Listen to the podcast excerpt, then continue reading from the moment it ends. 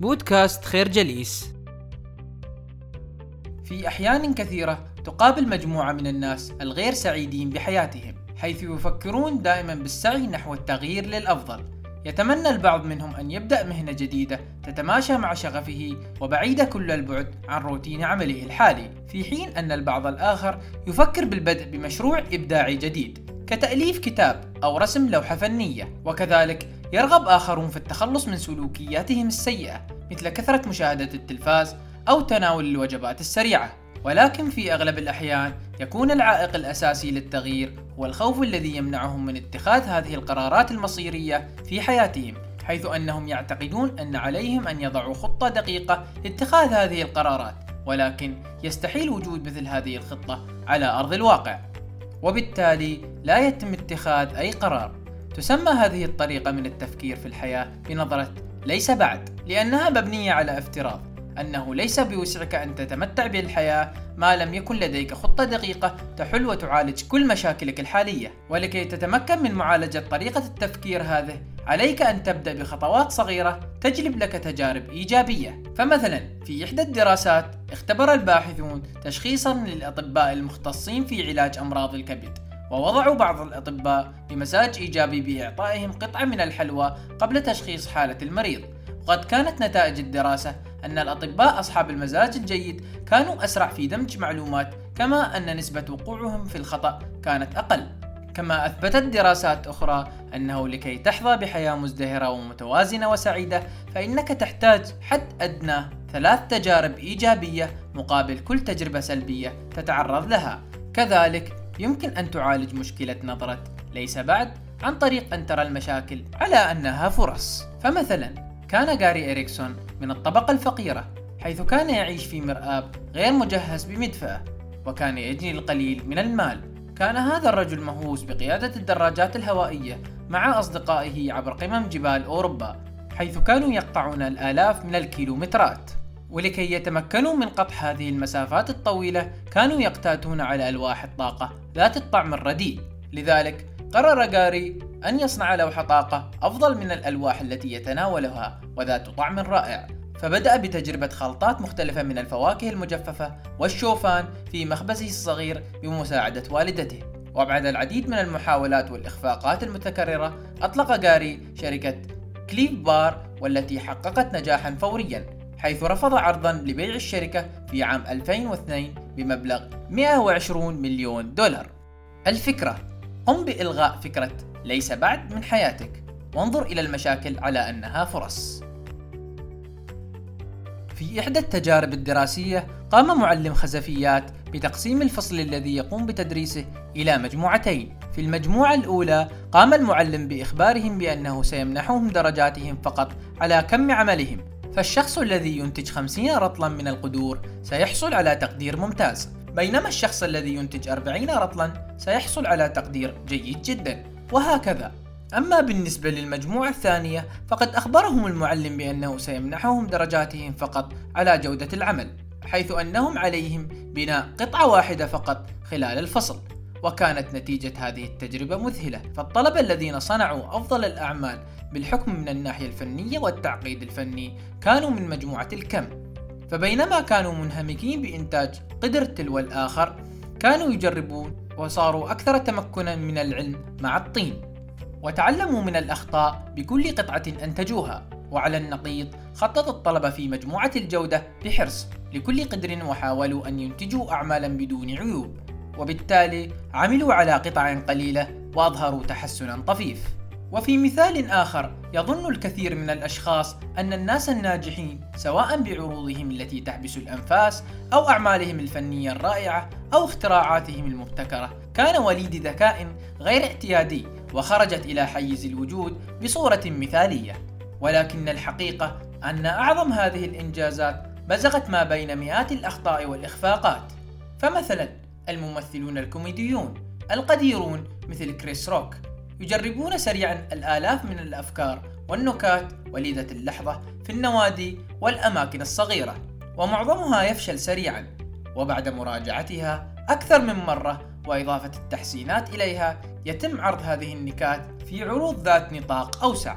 وفي هذا الشان قال المخترع توماس إديسون عندما سئل عن فشله المتكرر في اختراع المصباح قال أنا لم أفشل بل وجدت عشرة آلاف طريقة لا يمكن للمصباح أن يعمل بها وهذا ما يسمى بالفشل للأمام. الفكرة افشل سريعا افشل كثيرا. يحب الأطفال عادة تجريب الأشياء الجديدة واستكشاف الأشياء من حولهم حيث أن خاصية الفضول عندهم تكون قوية عندما تكون أعمارهم صغيرة فتراهم يمسكون بالأشياء ويتلاعبون بها ويجربونها لكي يتعلموا أكثر عن عوالمهم ويشبعوا رغبتهم في المعرفة والتعلم. وكلما كبر الطفل قل الوقت الذي يقضيه في التجربة والاستكشاف. بينما يزداد الوقت الذي يقضيه بالقلق عن الأشياء التي يجب أن يفعلها كحل الواجبات أو الدرجات أو الاهتمام بالمظهر الخارجي. وعندما يبلغون سن الرشد تقل قيمة الفضول أكثر وأكثر. فمثلا إذا أردت أن تبدأ هواية جديدة كالعزف على البيانو تبدأ أسئلة عديدة بمطاردتك ودحرك عن ممارسة وتعلم هذه الهواية فتسأل نفسك هل سأكون عازفا جيدا؟ ألدي الوقت الكافي للتعلم؟ أعندي الصبر أو الموهبة أو الذكاء للقيام بذلك؟ هل ستكلفني هذه الهواية الكثير من المال؟ أسيظن الناس أني سخيف إن انغمست بها؟ هذه الأسئلة وغيرها تقوم بقتل الفضول وتمنعك من الاستمتاع بحياتك. كذلك يعتبر الابتكار قلب النجاح الشخصي حيث أنه يخلق طرق جديدة للمساهمة بزيادة القيمة في حياتك وحياة الآخرين. ففي إحدى الدراسات قام الباحثون بمقابلة أكثر من 100 مبتكر لمنتجات ثورية أو شركات ثورية حتى يتمكنوا من كشف أصول أفكار الأعمال التجارية المبتكرة وقدموا مجموعة من الطرق السهلة التي يمكن القيام بها لدفع ابتكارك وخلق احتمالات جديدة بحياتك. فأول هذه الطرق هو النظر للعالم كمتخصص في علم الإنسان، فتخيل أنك كائن فضائي نزلت إلى الكرة الأرضية بسفينتك الفضائية لأول مرة، كيف ستكون نظرتك للعالم؟ كمبتكر هذه هي الطريقة التي يجب أن تنظر فيها لما يدور حولك بعين منتعشة بالفضول وبفكر واعي ومراقب لما يحدث أمامك. أما الطريقة الثانية فهي حب الاستطلاع، فالمبتكرون يتساءلون باستمرار: لماذا تسير الأمور على هذا النحو؟ ما الذي يحدث هنا حقا؟ ما الذي يمكن أن نفعله بصورة مختلفة؟ فإن طرح مثل هذه الأسئلة هو الذي يؤدي إلى أفكار مدهشة، وكما قال جوناس سالك العالم الذي اكتشف لقاح شلل الأطفال أنت لا تخترع الأجوبة أنت تكتشف بطرح الأسئلة الصحيحة وكذلك لكي تكون مبتكرا عليك أن تخرج من الصندوق. فالابتكار مثل الحظ السعيد يعتمد على أن تكون حاضرا وجاهزا للتصرف في الوقت المناسب والمكان المناسب.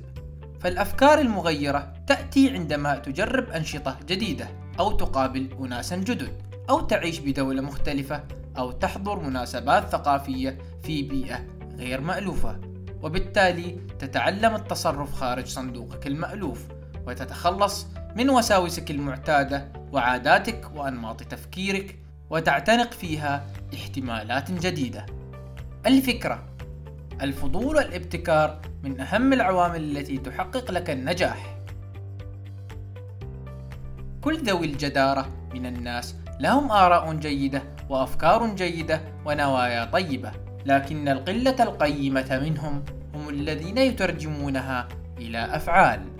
فكر في حياتك بالأوقات التي كنت تشعر فيها بالسعادة والحماس والامتلاء بالطاقة، ومن المؤكد أنك في هذه الأوقات لم تكن قابعا في المنزل تشاهد التلفاز، إنما كنت فيها منهمكا بمشاريع مثيرة.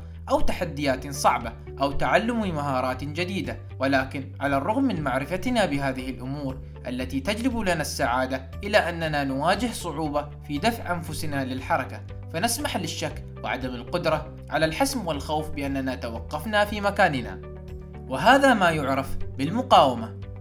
فالإنسان كائن حي يسعى دائما إلى المألوف بشكل فطري وتجنب المخاطر والمجهول فحينما يحيد الإنسان عن ما هو مألوف له ويبدأ بمغامرة جديدة لم يفعلها من قبل يبدأ المخ بإرسال رسالة على شكل استجابة شعورية سلبية مثل الخوف والشك والحيرة وعدم الارتياح وبالتالي تسيطر المقاومة على أفكاره وأفعاله. وأفضل الطرق التي تساعدك على تجاوز هذه المقاومة هي طريقة القفز على منصة الانطلاق.